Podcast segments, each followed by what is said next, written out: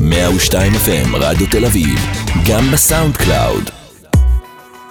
תעודת עיתונאי רועי כץ בשיחה אישית עם העיתונאים שעיצבו את התקשורת הישראלית. שלום לכם, תודה שאתם מאזינים לתעודת עיתונאי ברדיו תל אביב. 60 דקות עם העיתונאים החשובים והמשפיעים בישראל. מפיקה את התוכנית לילה עופר על הביצוע הטכני אלעד ויוונטה. אני רועי כץ, וכעת אני שמח להגיד שלום למפקד גלי צה"ל לשעבר, דובר צה"ל לשעבר, איש התקשורת, אבי בניהו. שלום, אה, תעודת עיתונאי כבר אין לי, אבל... אה, אתה אמרת, מהעיתונות באנו ולעיתונות נשוב. זה, זאת מחלה סופנית, כן. שלום. נתחיל בשאלה הקבועה. תגיד, איך הגעת למקצוע?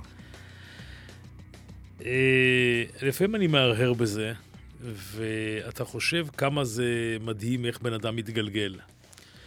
הייתי נער ביד אליהו, וזאת הייתה שכונה של תנועות נוער, והמדריכה מהשומר הצעיר, באמת, זו לא, לא קלישה, הייתה הכי יפה.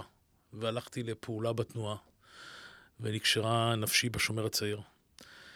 ובכיתה י"א כבר מצאתי את עצמי כחניך בחברת הנוער בלהבות חביבה. לא חיכיתי עד הנחל.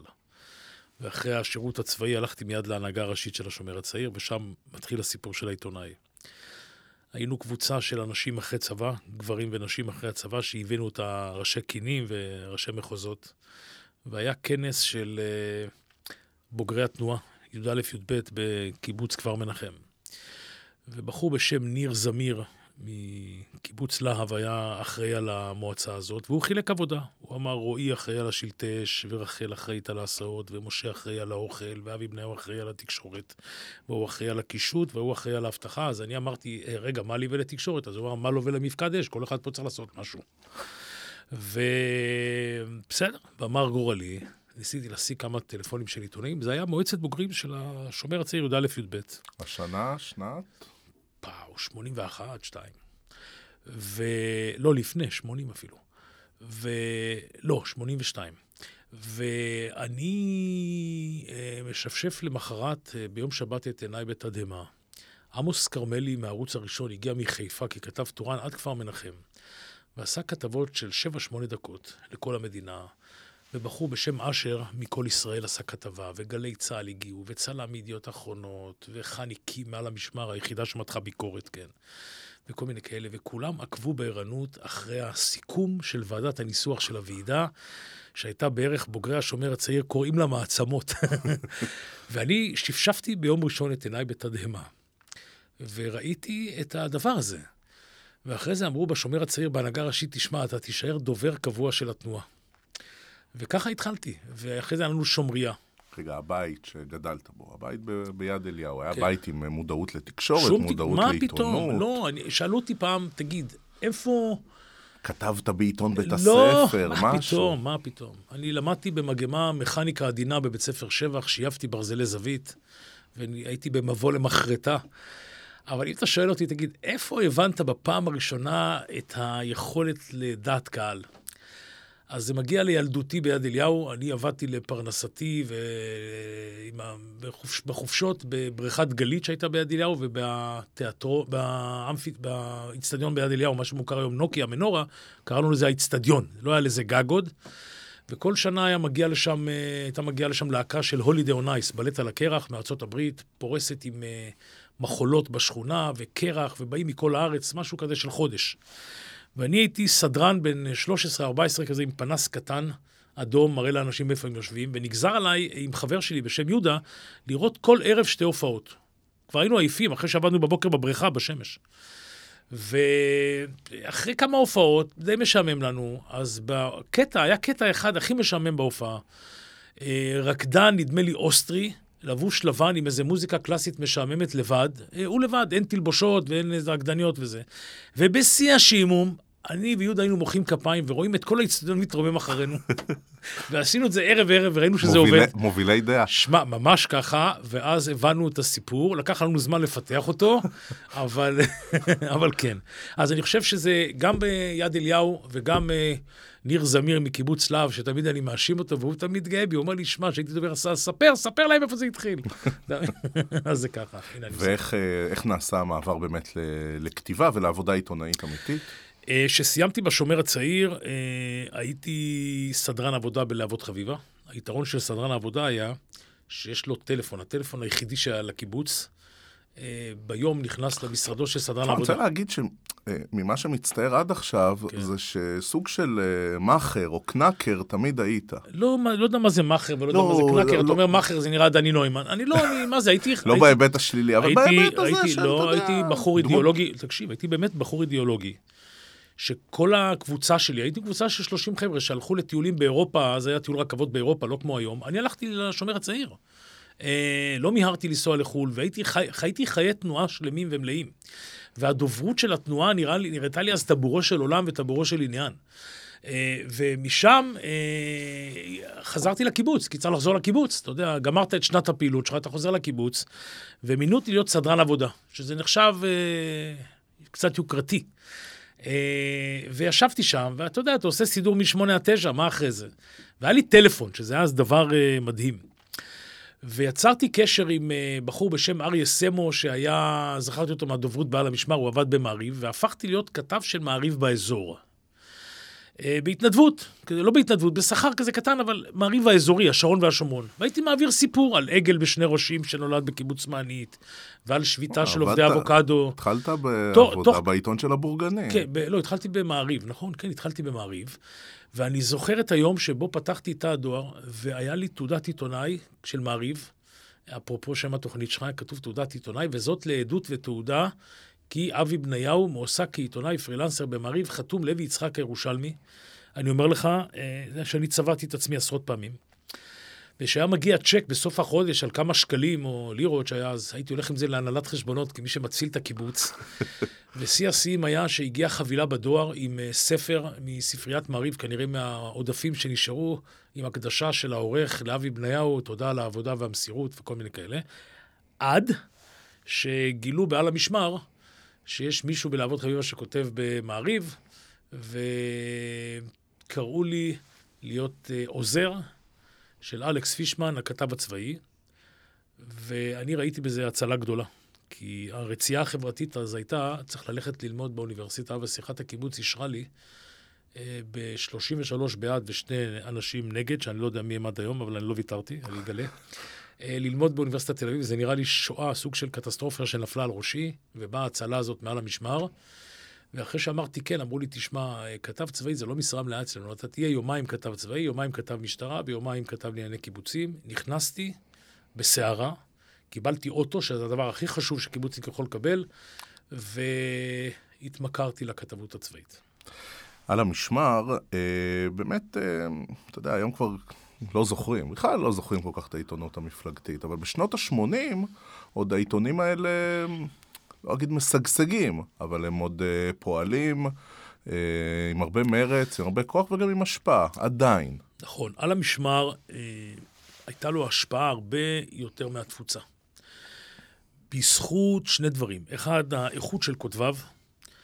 שתיים, העובדה שהוא היה יוצא בבוקר מוקדם, ואם היה סקופים טובים, מעריב, ידיעות, חדשות, היו מצטטים אותו. כך מוסר, כך מוסר הבוקר על המשמר בגיליונו. ובגלל המרכיב של מפ"ם אז בתוך המערך ובתוך הממשלה. למרות שכבר הם היו באופוזיציה בחלקם, אבל לא חשוב. אה, סבר פלוצקר ואלכס פישמן ועוזי מחניימי ואמנון אברמוביץ' וסמדר פרי ועוד בעיתון שלי ח- עיתון יחימוביץ'. חוטב של יחימוביץ', ודאי, ופילנדאו, ו- והמון המון המון אנשים, יגאל גלאי, אה, יהושע סובול בחותם, בחותם. ועוד שורה גדולה מאוד של uh, כתבים שהעיתון הזה גידל והפעיל, מוטי גילת, uh, שלאט לאט רצו לפגוש את, ה, את העשרות אלפים ואת המאות אלפים ועזבו את העיתון והתקדמו קדימה, אבל אני יכול להגיד לך משיחות איתם שאצלם עדיין היה למשמר עמוק בנשמה, העיתון הזה לא שרד. אה, כי חברי הקיבוצים אה, לא רצו שיכריחו אותם מה לקרוא בצדק, והוא אה, נפח את נשמתו, אבל יש לו איזה סוג של מורשת. העיתונות המפלגתית בכלל לא שרדה בישראל. היא לא שרדה, למרות שהיא הייתה במובנים מסוימים העיתונות כמעט הכי חופשית, כי בשלב שאני הייתי בעיתון, הפוליטיקאים של מפ"ם כבר לא שלטו בעיתון, זאת אומרת, חזן ויערי לא עברו על המאמרים. כן, אבל חייקה גרוסמן תמיד צדקה. זאת אומרת, היא תמיד דייקה בהערכותיה בעיתון. היא הייתה, אני זוכר שהייתי הולך לוועידות האלה של מפ"ם, והיא אומרת, חברים, פנו אליי שורת חברות וחברים ואמרו לי חייקה, ואז אתה מקבל את דין התנועה, אתה יודע. היא, לא אף, היא אף פעם לא רצתה להיות שרה ולחצו עליה במשק, אבל אתה יודע. כפו עליה כן, את השירות כן, מחוץ לקיבוץ. אבי בניהו, באולפן תעודת עיתונאי. אנחנו עם הפסקה ראשונה, עוד רגע חוזרים. חזרנו, רדיו תל אביב, 102 FM, תעודת עיתונאי, כאן עם אבי בניהו. העיתונות כובשת את ליבך כי אתה מגלה את הכוח, אתה מגלה את יכולת ההשפעה, אתה מגלה אנשים שאתה נפגש איתם. זאת אומרת, מה בזה? בגיל מאוחר יחסית. שובר אותך. זה מתחיל בזה שאתה קם בבוקר בקיבוץ והולך לארוחת הבוקר בחדר אוכל ואתה רואה את כל האנשים קוראים אותך מאתמול, ויש לך תחושה שהמדינה קוראת אותך, אבל זה לא המדינה, זה הקיבוץ, ואחרי זה אתה חי בתוך איזה מערכת... אה, שגם העיתונאים בידיעות ובמעריב ובחדשות אומרים, מפרגנים לך, הייתי נחשב לאיזה סוג של סקופר, היה לי גם מדור כזה שבועי, מטען חלול, הייתי מה שנקרא נותן בראש, כי הייתי קם בבוקר, והיות והייתי חולה הגה, גם הייתי נוסע צפונה ודרומה ליחידות, ששם באמת, אה, תמיד הייתי מחנך את הכתבים בגלי צה"ל. המידע נמצא אצל המג"דים והמח"טים, האלופים, הם תיסעו לקצוות, למנהלי מחלקות במשרד השיכון, לא צריך את השרים. ושם הם קוראות, והייתי נוסע המון ואיסקופי, אז אתה מרגיש את האפקט, את התגובה החוזרת. בשלב יותר מאוחר, אה, ראיתי שאתה יכול להשפיע. למשל, פנה אליי, אני זוכר, אה, ראש אכ"א, מתן וילנאי, אחרי מלחמת לבנון הראשונה, ואמר לי, תשמע, הקיבוצניקים קצה קרחון, אה, מפסיקים לשרת בקבע, צריך לעשות מהלך. ראיתי, פתאום אתה בא לך איזו שליחות כזאת, זאת אומרת, אתה יכול דרך העיתון להשפיע על אנשים ימינה-שמאלה, ואז תמיד... חשפתי כל מיני פרשיות שקשורות לכל מיני גופים בתוך הצבא. סיפור שאתה גאה בו במיוחד כעיתונאי.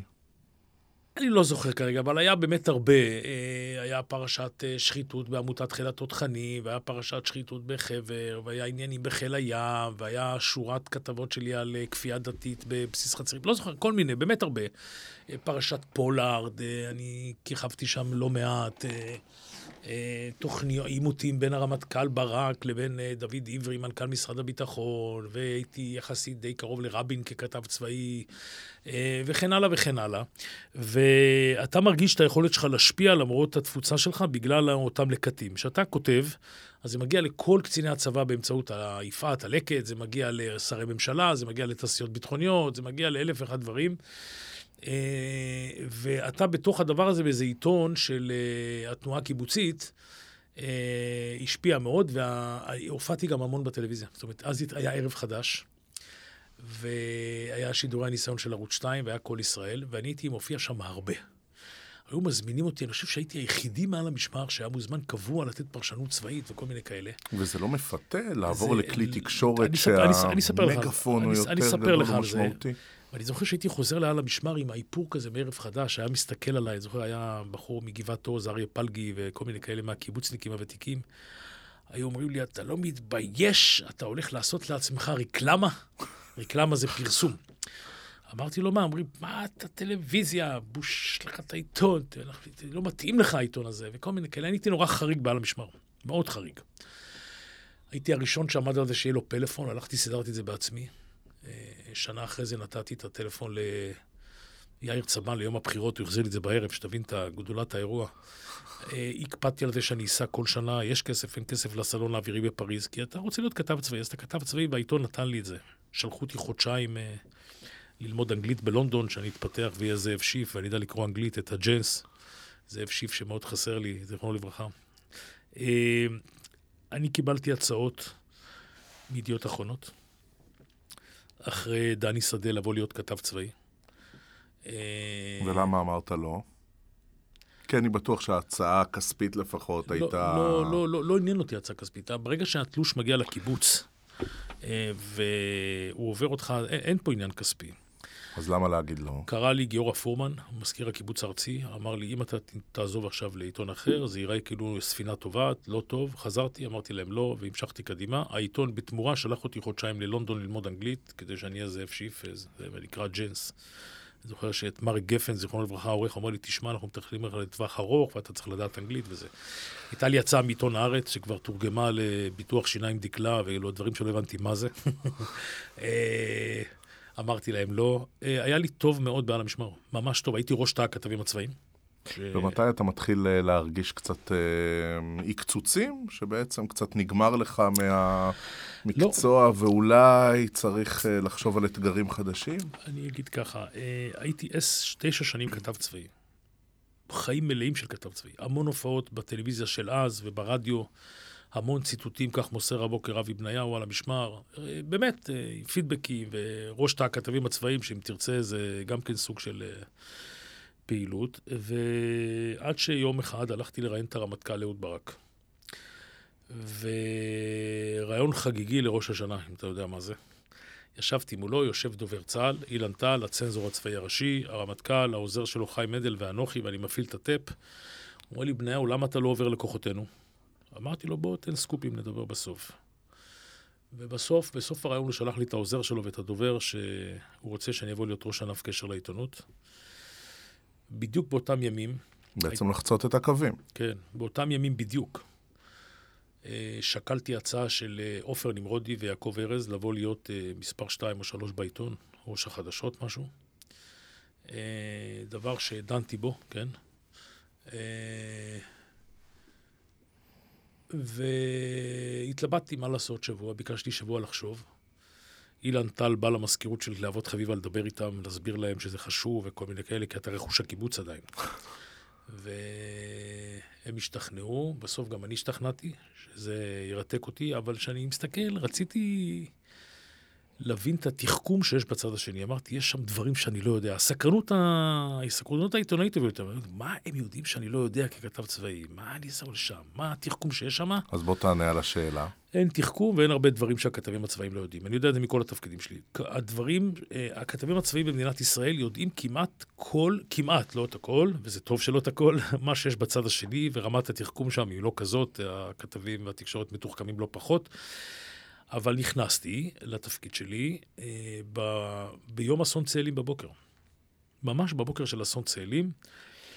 הגעתי לתפקיד, ללשכת הרמטכ"ל אמרו לי, תבוא ישר לפה, עוד הייתי עם אוטו של על המשמר. הייתי ביום הראשון של החפיפה. נכנסתי ללשכתו של אהוד ברק, ויצאתי משם אחרי שלושה ימים, למעט גיחה אחת לסורוקה הלוך חזור. אה, וכתבתי את ההודעות לעיתונות, ונלחמתי על דעתי שצריך להגיד את כל האמת, אבל החליטו אחרת. לא חשוב, מצאתי את עצמי בעין הסערה. וכיהנתי בתפקיד ראש ענף קשר לעיתונות שלוש שנים, שנתיים תחת ברק ושנה תחת אה, שחק, כמובן עם דוברי צה"ל, אילן טל ועמוס גלעד. והיה לי תפקיד מאוד מרכזי אצל אהוד ברק. אה, הוא למעשה שם אותי צמוד אליו, אה, אם תרצה סוג של הכנה לפוליטיקה. אם תרצה סוג של אירוניה. סוג של אירוניה, נכון, כן. הוא, הוא, הוא, הוא גייס אותי לצבא, הוא שכנע אותי לבוא, הוא הצמיד אותי אליו. נתן לי משימות, אה, הייתי מתלווה אליו לכל הסיורים, לממשלה, לקבינט, לכל הסיורים בזה. אה, אבל הדבר שריתק אותי במיוחד, עשיתי את התפקיד הזה בין 92 ל-95, 1992-95. ב-93, אחרי הסכמי אוסלו, אה, סגן הרמטכ"ל מתמנה לנהל את השיחות, והוא מבקש שאני אהיה דובר המשלחת הישראלית. ואתה צריך להבין עכשיו מה קורה לי. אני מסתכל ימינה-שמאלה, יוסי שריד, יאיר צבן, חייקה גרוסמן, אה, כל האלה, פרס וזה. פתאום אתה קטן מהקיבוץ, מהחברת נוער, מקן יד אליהו, הולך להיות peacemaker, מה שהם לא היו בחיים. ודמיינתי לי את קמפ דיוויד, משמד דיוויד, והנה אני יושב, דובר של שיחות השלום בין ישראלים לפלסטינים, הראשונות, בטאבה, חצי שנה. עם ג'יבריל רג'וב, וכל ה... ונביל שעט, וכל האלה, זה חצי שנה מרתקת, מעצבת, מלמדת. אה, ואתה אומר ככה, הביאו אותך להיות דובר צה"ל, לדברי מלחמות, ואתה מדברר הסכמי שלום, וזה הדבר נהדר. רבין היה ראש, הממשלה ושר הביטחון, פרס היה ראש הוועדה הבילטרלית, אמנון שחק היה ראש הוועדה, לבשנו חליפות. אה, וזה נגמר, וחזרנו לבסיס, והנה ב-94 אליקים רובינשטיין מבקש שאני אבוא להיות uh, הדובר של המשלחת uh, הישראלית לשיחות השלום עם ירדן. ואז אתה מבין כאילו פתאום את הערבוביה הזאת בין צבא ביטחון, אני דבררתי יותר שיחות שלום מאשר, ואחרי זה הסכם חברון וכל מיני כאלה, ווואי פלנטיישן. אז אנחנו רגע מדלגים. אתה מכיר את הביקורת הקבועה על הכתבים הצבאיים, וגם על הקשר עם דובר צה"ל, כן. שאומרים, מה בעצם אה, בין השניים? הרי זה בדיוק אותו דבר. מה שדובר צה"ל אומר להם להגיד, הם אומרים, כמו שאמרת, הם יודעים כמעט את כל הסודות, כמעט.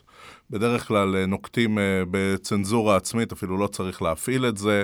הם מרגישים שהם ממש חלק מהמערכת. גם היית יוש... אה, ראש תא הכתבים הצבאיים, ואתה מכיר את כל הדבר הזה. נכון. תראה, אני שהייתי ראש תא הכתבים הצבאיים, היה לנו אתגר גדול. אהוד ברק נכנס להיות רמטכ"ל, סגר את כל הצבא לתקשורת, אין תשובות לשאלות, כל מיני כאלה. וניהלנו נגדו מלחמה רצינית. הבאתי שני ברקולוגים, אחד זה תת-אלוף עמוס גלבוע, והשני זה תת-אלוף יואל בן פורת, זיכרונו לברכה. למדנו את, אה, את אופיו ואת זה, וניהלנו מלחמה נגדו. אמרנו שהוא רוצה להוריד את הלקט לשני עמודים, ונעשה אותו... של- עשינו מלחמה. הכתבים הצבאיים, אני אגיד לך ככה, תראה, זה נורא תלוי. אה, יש שני סוגים של כתבים צבאיים, בתפיסה. יש את הכתב הצבאי הקלאסי, שרוצה הכי הרבה להתכונן ולסקר הכי טוב את המלחמה הבאה. ולהיות במרכזה, עם זיפי זקן. וזה לגיטימי ומכובד. נכנה אותו רוני דניאל? רוני דניאל, רון בן ישי, רן אדליסט ועוד. ויש את הכתב, וזה בסדר, זה מקצוע כתבות צבאית בעולם. ויש כתב צבאי אחר שרוצה למנוע את המלחמה הבאה. תרצה זאב שיף, איתן הבר, עמוס הראל, אלון בן דוד במידה מסוימת, באמצע כזה, ושניהם לגיטימיים. אני תמיד הייתי מהסוג השני. ככה התחנכתי וככה אני אהבתי. בכלל, אני מדלג הרבה שנים אחורה, אני אחזור לזה תכף, אבל uh, במטה הכללי של צה"ל, כשאני יושב סביב שולחן המטה הכללי, יש אה, ויכוחים לפעמים. ורוב האלופים חושבים שתפקידו של צה"ל הוא לנצח במלחמה הבאה, והם לא לא צודקים. אני הצעתי משהו אחר. אני הצעתי שתפקידו של צה"ל להיות כל כך חזק, כל כך איכותי, כל כך מרתיע, כל כך טכנולוגי, עד כדי כך שהוא ימנע את המלחמה הבאה ויקרב את השלום, וזאת משימתו של הצבא. אז מקימים ועדה, אתה יודע. אבל הזן הזה של העיתונאים אה, הצבאיים עם הסכין בין השיניים, שאוהבים את אה, מעיל הרוח ואוהבים כן. להצטלם כשעזה מאחוריהם, אה, הם מצליחים לשמור על איזשהו דיסטנס, כי נגיד ב- כן. כחלק מפרשת הרפז, נשמע שם רוני דניאל מכנה את גבי אשכנזי אחי, ואתה אומר, ואתה אומר באיזשהו מקום, רגע, אתם צריכים לסקר אותם, אתם לא צריכים להיות חלק מהם. נכון. זאת אמירה חריגה שנובעת מ... מהגיל שלהם. הם בני אותו גיל, פחות או יותר, רוני דניאל יותר מבוגר. הם אה, עושים כברת דרך ארוכה. אה, יודע. אבל זה נכון גם לכתבים. מדיניים או אה, כתבים כלכליים. תקשיב, בוא, אה, אני לא הייתי רוצה אה, להאזין להקלטות שלך בארבע שנים האחרונות עם אנשים שאתה מראיין אותם פה, אם קראת להם אחי או לא, גם אתה צריך איזה דיסטנס. יש דברים, יש יחסים שמתפתחים. השאלה, אם אתה יכול לשים את ההפרדה ולהתחייב לזה שאתה נותן לצופים שלך ולמאזינים שלך ולקוראים שלך מידע אמיתי ואמין. מצליחים. הכתבים חושב לעשות שכן, ההפרדה? אני חושב שכן. שמע, יש היום מערכת... אבל שהיא- בסך, אבל בסך הכל אומרת גם, אה, שמעתי בכנס אילת האחרון, כן. את הצנזורית החדשה, היא אומרת, התקשורת הישראלית היא צייתנית וממושמעת. בצבא, לא, מ- אני- אני- אני- במערכת הביטחון מרוצים לא, לא, מהעיתונות לא, לא, לא הישראלית. לגמרי. תראה, במערכת, במערכת הצבאית יש היום דור של אלופים שמבין את החשיבות של התקשורת כמרכיב בדמוקרטיה, מבינים את החשיבות של הביקורת, מבינים את ה... זה דור אחר. מבינים את מערכת האיזונים והבלמים שנדרשת, מבינים את מגבלות הכוח, רוצים שמישהו יזכיר להם שהם חורגים. יש הרבה הערכה וכבוד לכרמלה מנשה, שלימדה את הצבא איך להתייחס לאנשים, ויש לה עוד עבודה.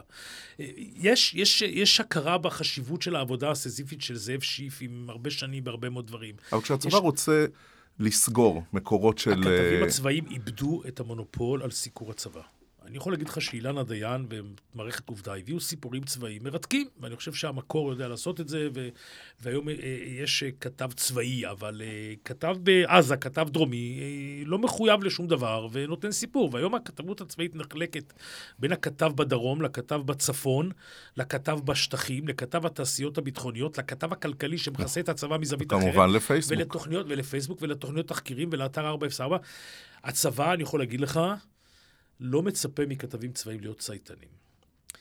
האלופים של היום, אמרתי את זה, וגם הרמטכ"ל מבינים את ערך הביקורת, האיזונים וכן הלאה, ומקבלים את זה, וגם אם זה לא נוח, אה, הייתי בכמה דיונים כאלה מאוד נוקבים, אה, תאמין לי, אה, מבינים את זה. אה, הכתבים הצבאיים, הייתי אומר, במילה אחרת, הרבה יותר אחראים ממקורות המידע שלהם. למה אני, אני, מתכוון? אני אקשה עליך, אבי. כן, לך- מי עושה שירות טוב יותר לצבא? עמוס הראל, הקר והביקורתי מאוד, או רודי דניאל, החם והמחבק תמידית? מי עושה שירות יותר טוב לצבא? אה, שניהם, אה, שניהם עושים שירות לכלי התקשורת שלהם, אני אגיד לך למה. זה ההבדל בין ערוץ 2 והמטרה שלו, והמתווה שלו, והתפיסה שלו, והדיאלוג שלו עם צופיו, לבין עיתון הארץ שכולו כזה. לי היה ויכוחים עם ראובן פדצור, זיכרונו לברכה. אמרתי לו, שמע, אתה זוכר שלפני שנה וחצי אה, ביקרנו את צד"ל בצורה, ואת הקשר בין צה"ל לצד"ל? שמת לב שזה השתפר בצורה דרמטית, וזה באמת בחזון שלנו? הוא אמר לי, כן. אמרתי לו, אז בוא תכתוב על זה מאמר. אומר לי, מה פתאום? בחיים לא. אני כותב רק על דברים שליליים, רק על דברים טעוני ביקורת. אני לא מקבל את זה, היה לי איתו ויכוח. אני חושב שצריך גם לדווח על uh, תיקונים ועל דברים טובים שקורים, ועל עלייה במוטיבציה לגייס, כמו שחייבים. בכלל, בתחום הסיקור הצבאי, אני באמונה, והנחלתי את זה כל השנים, שבתחום הצבאי, במיוחד שאנחנו עם תחום צבאי ש... ומציאות של כיבוש, יש לא רק חובת, לא רק זכות הציבור לדעת, יש חובתו. וחובתו של דובר צה"ל היא להכניס את המציאות לסלונים.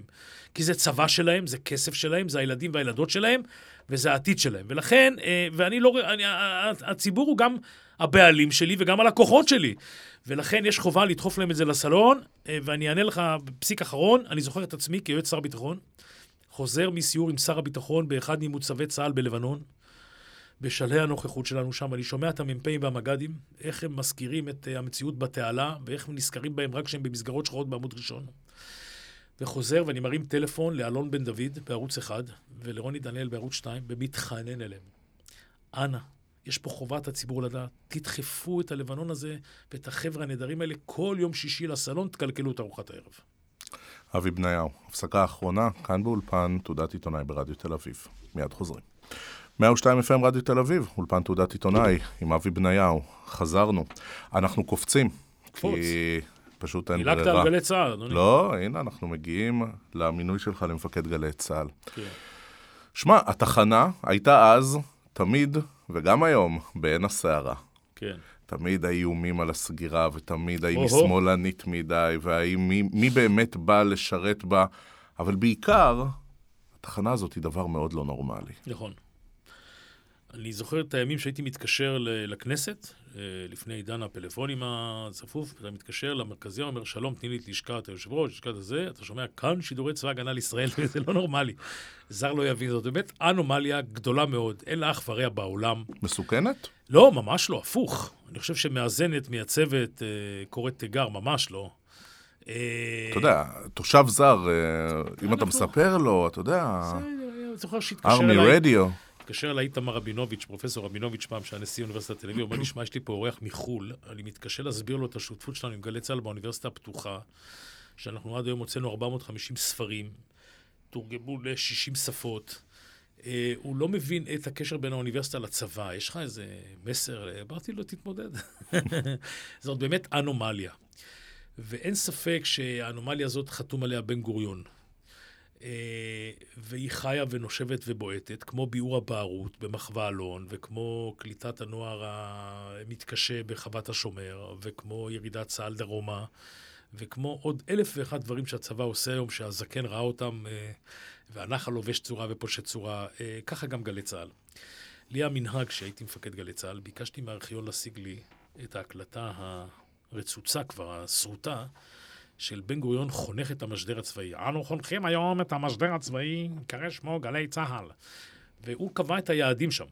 אה, מה תעשה התחנה הצבאית? ורציתי לראות כל הזמן שאנחנו ביעדים. וגלי צה"ל ביעדים. והיא צריכה להיות רלוונטית ובועטת. אין ספק שאם היה היום אוקיי. דיון בצבא, אם להקים רלו- אותה, היא לא הייתה קמה. רלוונטית היא רלוונטית. בועטת? על זה אפשר להתווכח. תקשיב, אני אומר לך ששמעתי אתמול אה, אצל יעל דן, עובדת במשרד ראש הממשלה, שנותנת עדות מתוך הבית, אני לא יודע לקבוע אם זה נכון או לא, אבל זה אומץ שאין להרבה כלי תקשורת היום, אדוני. אמ, בתקופתי... עיתונאית שאתה החמאת לה קודם, כמו כרמלה מנשה, הייתה יכולה לפעול בתוך גלי צה"ל. ובשיטתיות לבקר את היחס של צה"ל לחייל הפשוט? בוודאי, כשאני נכנסתי להיות מפקד גלי צה"ל, עשו לי בדיקות, ניסו לקבוע לי גבולות. אני זוכר שמתקשר אליי צביקה יחזקאלי, אומר לי, תשמע, מפקד, יש לי איזה סיפור ענק על אה, ארבעה, חמישה חיילים שלקחו, עצרו נהגי מוניות, הורידו להם את האוויר, הורידו להם את זה, בטח לא תרצה לפרסם את זה אצלנו. אמרתי לו, אתה טועה, רק אצלנו. אה, אה, אצלנו, עם אז למה הוא דובר אומר- צה"ל וזה. רגע, אני אומר, אני אומר, אני לא זוכר ש... תשמע, היה פרשיות בחיל הים ופרשיות פה. אני לא זוכר, אני אומר לך בכנות, כבר שנים אחרי, שעצרתי איזה סיפור על צה"ל מלהתפרסם בגלי צה"ל. אה, אה, אבל יכול להיות שהעיתונאים מבינים, יכול לא, להיות שיש עיתונאים לא רוח. מבינים. רמי שני בא אליי עם סיפור יום אחד על לוחמי צנחנים שהתעללו באיזה בדואי שם, באיזה טרמפיאדה בדרום, והיכו אותו ועשו לו את המוות, ואני אמרתי על זה ששודר אצלנו, כי הח- הבחור הזה היה בדואי, חייל בדואי, והתקשרו אליי מהצנחנים. אדוני, אתה רדיו שלנו. אמרתי, לא, אני רדיו של החייל הבדואי יותר משלך. ויש פה דילמות, אבל אני חושב שגלי צה"ל, יש לה את כל היכולת, אה, וגם בכלל, אה, איך אומרים, עדיף שיהיה במכבסה הביתית, אתה יודע, תיתן את זה, תיתן תגובת דובר צה"ל, תביא רעיון עם המח"ט, שיתנצל, שלא יתנצל. אה, למה לא? אני יכול להגיד לך יותר מזה. אני הצעתי עבודה לכרמלה מנשה בגלי צה"ל, שהיה לה בעיות ברשות השידור בעבר, הלכתי לשר הביטחון ולרמטכ"ל בגלל משכורת וכאלה. אה, אישרו לה, בסוף יוסף בראל בא, אמר לי, מה אתה עושה, מה אתה עושה? אמרתי, אז תתנהג אליה יפה, והיא נשארה בפרסום ראשון. אמר פה בתוכנית, אה, אדם שאתה מכיר היטב, כן. יצחק טוניק, אמר, תשמע, אני מקשיב פחות לגלי צה"ל, התחנה פחות רלוונטית, כן. אה, מצבה, מצבה לא טוב, היא מאבדת את צה"ל, היא מאבדת את הקשר אני, לצה"ל. אה, יש לי, תראה, אני מאמין אה, בזכותו של מפקד לפקד ובזכותו של מנהל לנהל. אני הייתי שם בתקופתי, עשיתי קדנציה ארוכה מאוד של שש שנים. הגשמתי את היעדים שלי שם, גם בתחום תמהיל השידורים, גם בתחום מיקום המשדרים. כשאני הגעתי, גלי צה"ל הייתה עד באר שבע וגלגלצ עד קריית גת. תיקנו את זה. הכנסנו אה, אוכלוסיות נוספות לתוך גלי צה"ל. אתה מדבר עכשיו כאבי בניהו דיפלומט. לא כאבי בניהו דיפלומט. אני, את מה שרציתי לעשות בגלי צה"ל, מוזיקה עברית יותר בגלגלצ. אתה מאזין לגלי צה"ל? אני מאזין לגלי צה"ל. תחנה טובה אני בעיניך? חושב שהתחנה טובה. יש לי כמה הערות שאני מעיר אותן. חסר לי השיחות עם מאזינים. אני חושב שתחנה ציבורית צריכה אתה להיות... חושב בעיקר- שהיא מייצגת בעיקר- את החייל בשטח האימונים? גם בתקופתי היא לא עשתה את זה. אני רוצה להיות ישר. אני הגדרתי את זה גם ביום שנכנסתי. אמרתי, גלי צה"ל, מכשהקימה את גלגלצ, אמרה לחיילים, עשתה להם טרנספר לתחנה אחרת, יותר ידידותית. היא בנתה את זה במו ידיה, את גלגלצ, שהיא תחנה הכי מאוזנת, זה של גלי צה"ל. אז אם תרצה גלי צה"ל דרך גלגלצ, אוחזת בחיילים, בסדר? בחיילים ובסטודנטים. אבל התפתחו תחנות רדיו אזוריות, והתפתח פלייליסט אישי היום על האייפון, וכל מיני כאלה. אבל גלי צה"ל, היא, אם תרצה, הרדיו אה, של ההורים של החיילים. שזה מאוד חשוב בתחום אמון הציבור בצה"ל. היא רדיו של אה, חיילי מילואים, היא רדיו של משלמי המיסים. אומר דובר צה"ל, כן. תת-אלוף מוטי אלמוז, הוא אומר, כן. אנחנו חשים במטכ"ל, מדבר בלשון רבים, הוא מייצג כן. את הרמטכ"ל, כן. הוא אומר, אנחנו חשים אי נוחות. כשאנחנו רואים חייל במדים רץ אחרי שר בכנסת אוקיי, לראיין אז אותו. אני אגיד, כדי לצמצם את האנומליה, לפחות בתקופה שלי, הכתב המדיני, הכתב הפוליטי וכתב המפלגות, למרות שזה עולה כסף, לא היו חיילים אלא אזרחים, כדי לנסות ולצמצם את האנומליה, כי באמת אה, חייל בן 18 שאומר לראש הממשלה, אדוני ראש הממשלה, מי שמך? זה בלתי נסבל. כשאתה צעיר אתה לא מבין את זה, אבל כשאתה מתבגר אתה מבין שזה לא בסדר. ושעומד חייל בפני הרמטכ"ל ואומר לו, אדוני, נכשלת, מה תגובתך? גם כן לא בסדר כל כך. למרות שאני זוכר את, שר, את הרמטכ"ל בוגי יעלון, אה, מגיע לגלי צה"ל בסוף תקופת הכהונה שלו, ומודה לגלי צה"ל על זה שקראו לו להתפטר, אומר לו, אהבתי את זה, אבל אני לא רוצה להיות מזוהה עם רדיו אחר, תמשיכו בעבודה שלכם מה זה, זה לזכותו ייאמר. אה, זאת אנומליה, והרמטכ"ל מרגיש אי נוחות, אני אגיד לך איפה. הרמטכ"ל, כמו כל קודמיו, מרגיש אי נוחות שהוא הולך עכשיו להוריד את החרב שלו על תחומים קדושים בתוך צה"ל, על הפרקליטות הצבאית ועל הרבנות הראשית ועל חיל החינוך ועל תרבות יום א' ועל טייסות ושייטות, כי הוא חייב להוריד את תקציב הביטחון. ותמיד תמיד בשטח, בשיחה שלו עם המג"דים והמח"טים, מפקדי הטייסות והשייטות, קם חניך תורן או כמה כאלה, מפקדים בכירים, אומרים לו, תגיד, וגלי צה"ל. אבל אומר, אומר דובר רגע, צה"ל, רגע, זה לא- חכה, הוא אומר, חכה, הוא. אומר, תן קבל עם, הוא אומר, זה לא 20 מיליון השקלים, אני- זה אני- לא אז 20 אז מיליון אני עונה לך, השקלים. אני עונה לך, אה, בין היתר גם כי שוחחתי על זה עם הרמטכ"ל, כמו שאני אומר לך. והרמטכ"לים בדרך כלל היו אומרים לקצינים האלה, תראו, גלי צה"ל קצת גדול עליי. גלי צה"ל, יש להם לובי. גלי צה"ל, אני לא רוצה להתעסק איתם. גדי איזנגוט הוא טיפוס שלא יעשה את זה, הוא ילך הביתה לפני זה. הוא לא יגיד גדול עליי, קטן עליי, יש להם לובי, כי מיד הוא שולח את מפקד חיל האוויר להקים לובי, או את חיל החינוך יכול להקים לובי לא פשוט. אה, בחברה הישראלית, בטח על תרבות יום א' ועל נערי רפול וכאלה. והרמטכ"ל מחפש, והבעיה של גלי צה"ל היא לא בעיה תקציבית. 20 מיליון שקל, 30 מיליון שקל במונחים של תקציב הביטחון זה גרושים. והרמטכ"ל יהיה מוכן גם להמשיך לתת את התקציב הזה. הוא רוצה הוא מעריך שגלי צה"ל היא תחנה מצוינת. והיא הוא צריכה- פשוט לא רוצה אותה אצלו. תקשיב, לא, אני, אני אגיד לך ככה, היא תחנה מצוינת, והוא רוצה להבטיח שהיא תמשיך להתקיים, והוא מבין שאי אפשר להפריט אותה, כי השם שלה גלי צה"ל לא תינתן לאיש. הוא מחפש דרך, אני לא יודע אם הוא ימצא אותה, להזיז אותה למקום אחר בממלכה, כדי יחידת לשמור... סמך במשרד הביטחון, יכול להיות משרד הביטחון, כאלה. יש במשרד הביטחון יש הצעה, יש באגודה למען החייל הצעה, יש בחבר הצעה, לא משנה לך, משרד החינוך עם החינוכית הצעה, יש כל מיני הצעות. כדי שהוא לא יצטרך להוריד עליה מאכלת של 25%, כמו שאי אפשר להוריד 25% בתזמורת, להוריד את הטרומבון. זה לא ינגן. וגלי צה"ל פועלת בסד תקציבי מאוד מצומצם, והיא צריכה להמשיך להתקיים, ויכול להיות שאם היא תהיה במשרד הביטחון והצבא ייתן לה רשת ביטחון, היא תוכל להמשיך לשרוד, ויכול להיות להישאר במצב הקיים. אבל יש תחושת אי נוחות בזה שאתה פוגע בכולם, בגלי צה"ל להוריד 25% או 20% היום זה מכת מוות. אני אומר לך את זה. ו... ו... אפשר שחיילים יחזרו לשדר, ולא אזרחים במשכורות מג- אז עתק. אתה, אתה מגזיר, אתה מוריד האנומליה, אי אפשר. גלי צה"ל בנויה על אה, מטוס ג'מבו שמטיס אה, מאות אלפי אנשים בבוקר, שהקברניט, קברניט המשנה ומהנדס הטיסה חייבים להיות מנוסים על ההגאים, וכל יתר צוות הטיסה הוא... אבל אה, בשביל זה אתם מקבלים. אה, מלש"בים שהם האנשים הכי מוכשרים, אמנם עם בעיית כושר כזו או אחרת, או עם אבא מקושר ראש כזה. של אריה, חוט שדרה של תולעת. לא, חוט שדרה לא במובן האישי. לא, לא, לא, לא, לא, לא. מיד באה פה שאלת לא, ההמשך. לא, לא, לא. לא, אני צוחק, אבל מקבלים מלש"בים סופר מוכשרים. נכון. אה, ממש, הקרם של הקרם, אה, ואיתם תנצחו. אה, תראה, אני מייחס... אפשר? אפשר? לא, לנצח. להשאיר את זה, תראה, אם רוצים לעשות תחנה של מה שנקרא מרשים ודשים, אפשר להתבסס על חיילים. אבל אם רוצים להוביל שידורי אקטואליה, כמו התוכנית של רזי, או של ניב, או של יעל, או בבוקר, אתה צריך אנשים שיש להם מטען של ידע, ניסיון, אחריות, בגרות, הבשלה, שיודעים להטיס את הג'מבו הזה, שלוקח 800 אלף איש, צריך אחריות שם. וגם בזה יש לפעמים תקלות. ואתה צריך להיות בקיא, וצריך להיות לך ניסיון, ואתה צריך להכיר את הניואנסים כדי להתמודד עם השר שלא ישתה בך. וזה חייל לא יודע לעשות. אני אגיד לך עוד דבר אחד, ירון דקל, אה, שהיום מפקד גלי צה"ל והיה חייל בגלי צה"ל, פעם היה לי איתו איזו שיחה מזמן. אה, היה לי שיחות גם עם אחרים. חסר, הייתי שמח אם היה אפשר לקחת את החיילים של גלי צה"ל, לתת להם שנה בשדה, אה, להכיר את הישראליות, את החרדי, ואת הדתי, ואת הקיבוצניק, ואת האחוי, ואת הרעות, ואת החברות. תן להם לעשות. מטווח קודם. הם עושים מטווח, אה, אה, אני אגיד לך מה קרה, הם היו רובעי אחד, והעלינו אותם לרובעי שתיים, כי רובעי שתיים, רובעי אחד אי אפשר להכניס אותו לעזה וללבנון, נתקלתי במלחמת לבנון, שיניתי להם את הטירונות לחומרה, אני מקווה שזה עוד נמשך. אה, כי לא יכול להיות שחייל לא יוכל להיכנס לעזה או לבנון. לחומרה, מ-0-1 לחומרה, ל-0-2. לא, מ-0-1 ל-0-2, או אפילו ל-0-3.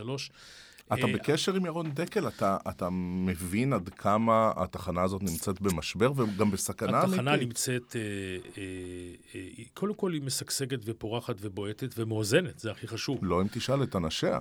אה, אנשיה הם אני- אני הראשונים. רואה את הסקרים. אני רואה את הסקרים שלה. אני רואה את הסקרים שלה ב-TGI. היא מאוזנת. תחנות גלי צה"ל למקום ראשון, גלי צה"ל וגלגלצ. אין ספק. אה, היא מתמודדת עם בעיות אה, פוליטיות. של איזונים ושמאל וימין, היא מתמודדת עם בעיות תקציביות קשות מאוד כל יום וכל שעה, והיא מתמודדת בעניין זהותה. אני למשל, כשהייתי מפקד גלי צה"ל, קראתי לאלדד קובלנץ, אמרתי לו, תשמע, יש לך תחנה מצוינת. גלגלצ הכוונה. גלגלצ, אני, זה היה ב-2001, אמרתי לו, שמע, עכשיו 2001, אתה הולך להתעסק פה עם המטבח והאפסנאות וכל מיני כאלה, כדי שאני אוכל לבוא אליך בדרישות בעוד שנה, צריך לסדר את הדברים. אני כבר אומר לך שהתחנה מצוינת, והיא תצטרך לשדר 50% מוזיקה עברית לפחות.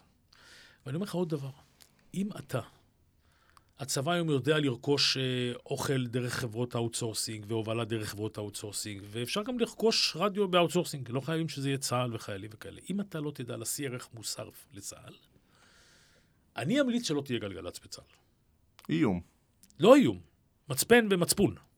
אומר לי, אבל אנחנו רדיו ודיווחי תנועה. אמרתי לו, נכון. אבל בואו נחפש דרכים. יכול להיות שהמשאיות של חיל התובלה והמשטרה הצבאית ייתנו דיווחי תנועה. יכול להיות שהמסוקים אה, ייתנו מלמעלה, לא יודע. יכול להיות שאתה תיתן אה, במוזיקה שיבחרו חיילי יחידה, כל יבחרו חי- חיילי יחידה, מספיק שיגידו יחידת יהלום. אז יתעניינו, מה זה יהלום, איזה יהלום. במילים פשוטות, תחבר חזרה את התחנה. פעם לפ- בחודש תהיה מסיבת ריקודים ענקית של גלגלצ שתשודר פעם מפלמחים, ופעם מבית נבלה, ופעם מבסיס חיל הים בחיפה, עם שלושת אלפים חיילים וחיילות רוקדים, עם צ'ופרים. אני צריך את הפרומו, מסיבת גלגלצ מבסיס הובלה בזה וזה וזה, ועשינו את זה. עשינו את זה. הזמן קצר, ולא נשחרר אותך בלי שאלה מורכבת.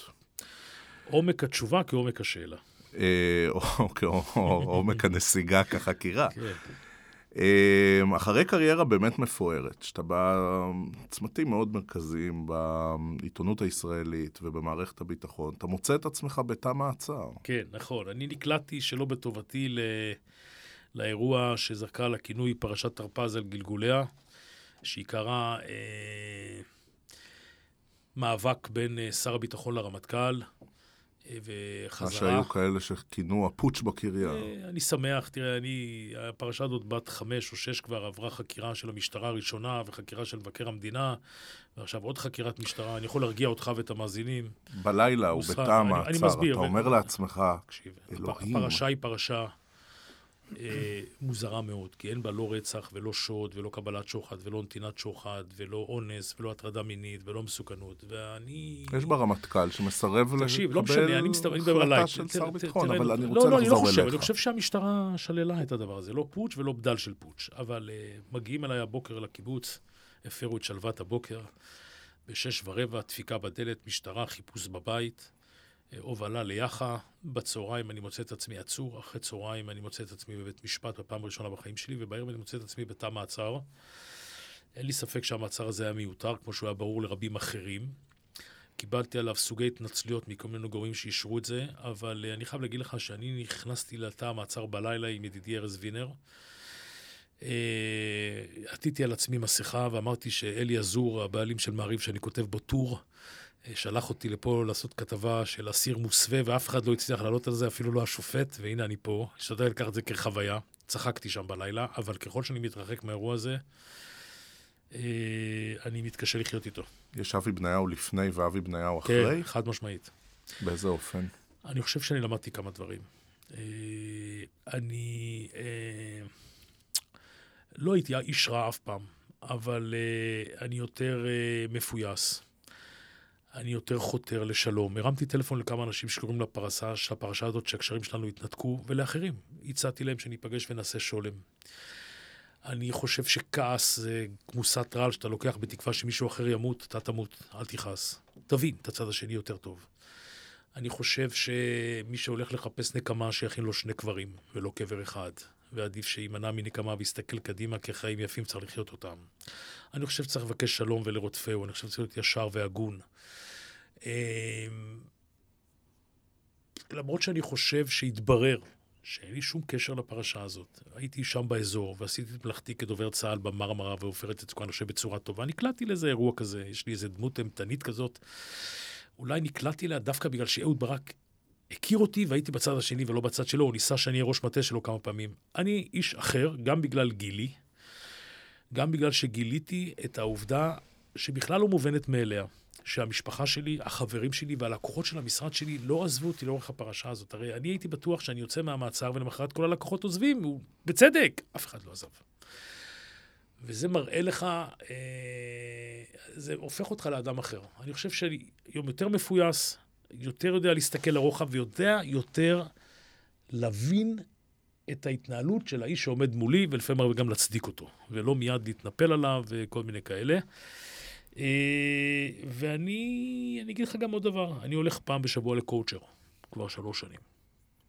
כי הבנתי שאני לא יודע הכל, הבנתי שיש לי אסופת הרגלים, אולי שאני צריך להשתחרר מהם, של חשדנות, דברים שאתה בא מביא בעיתונות ומפוליטיקה.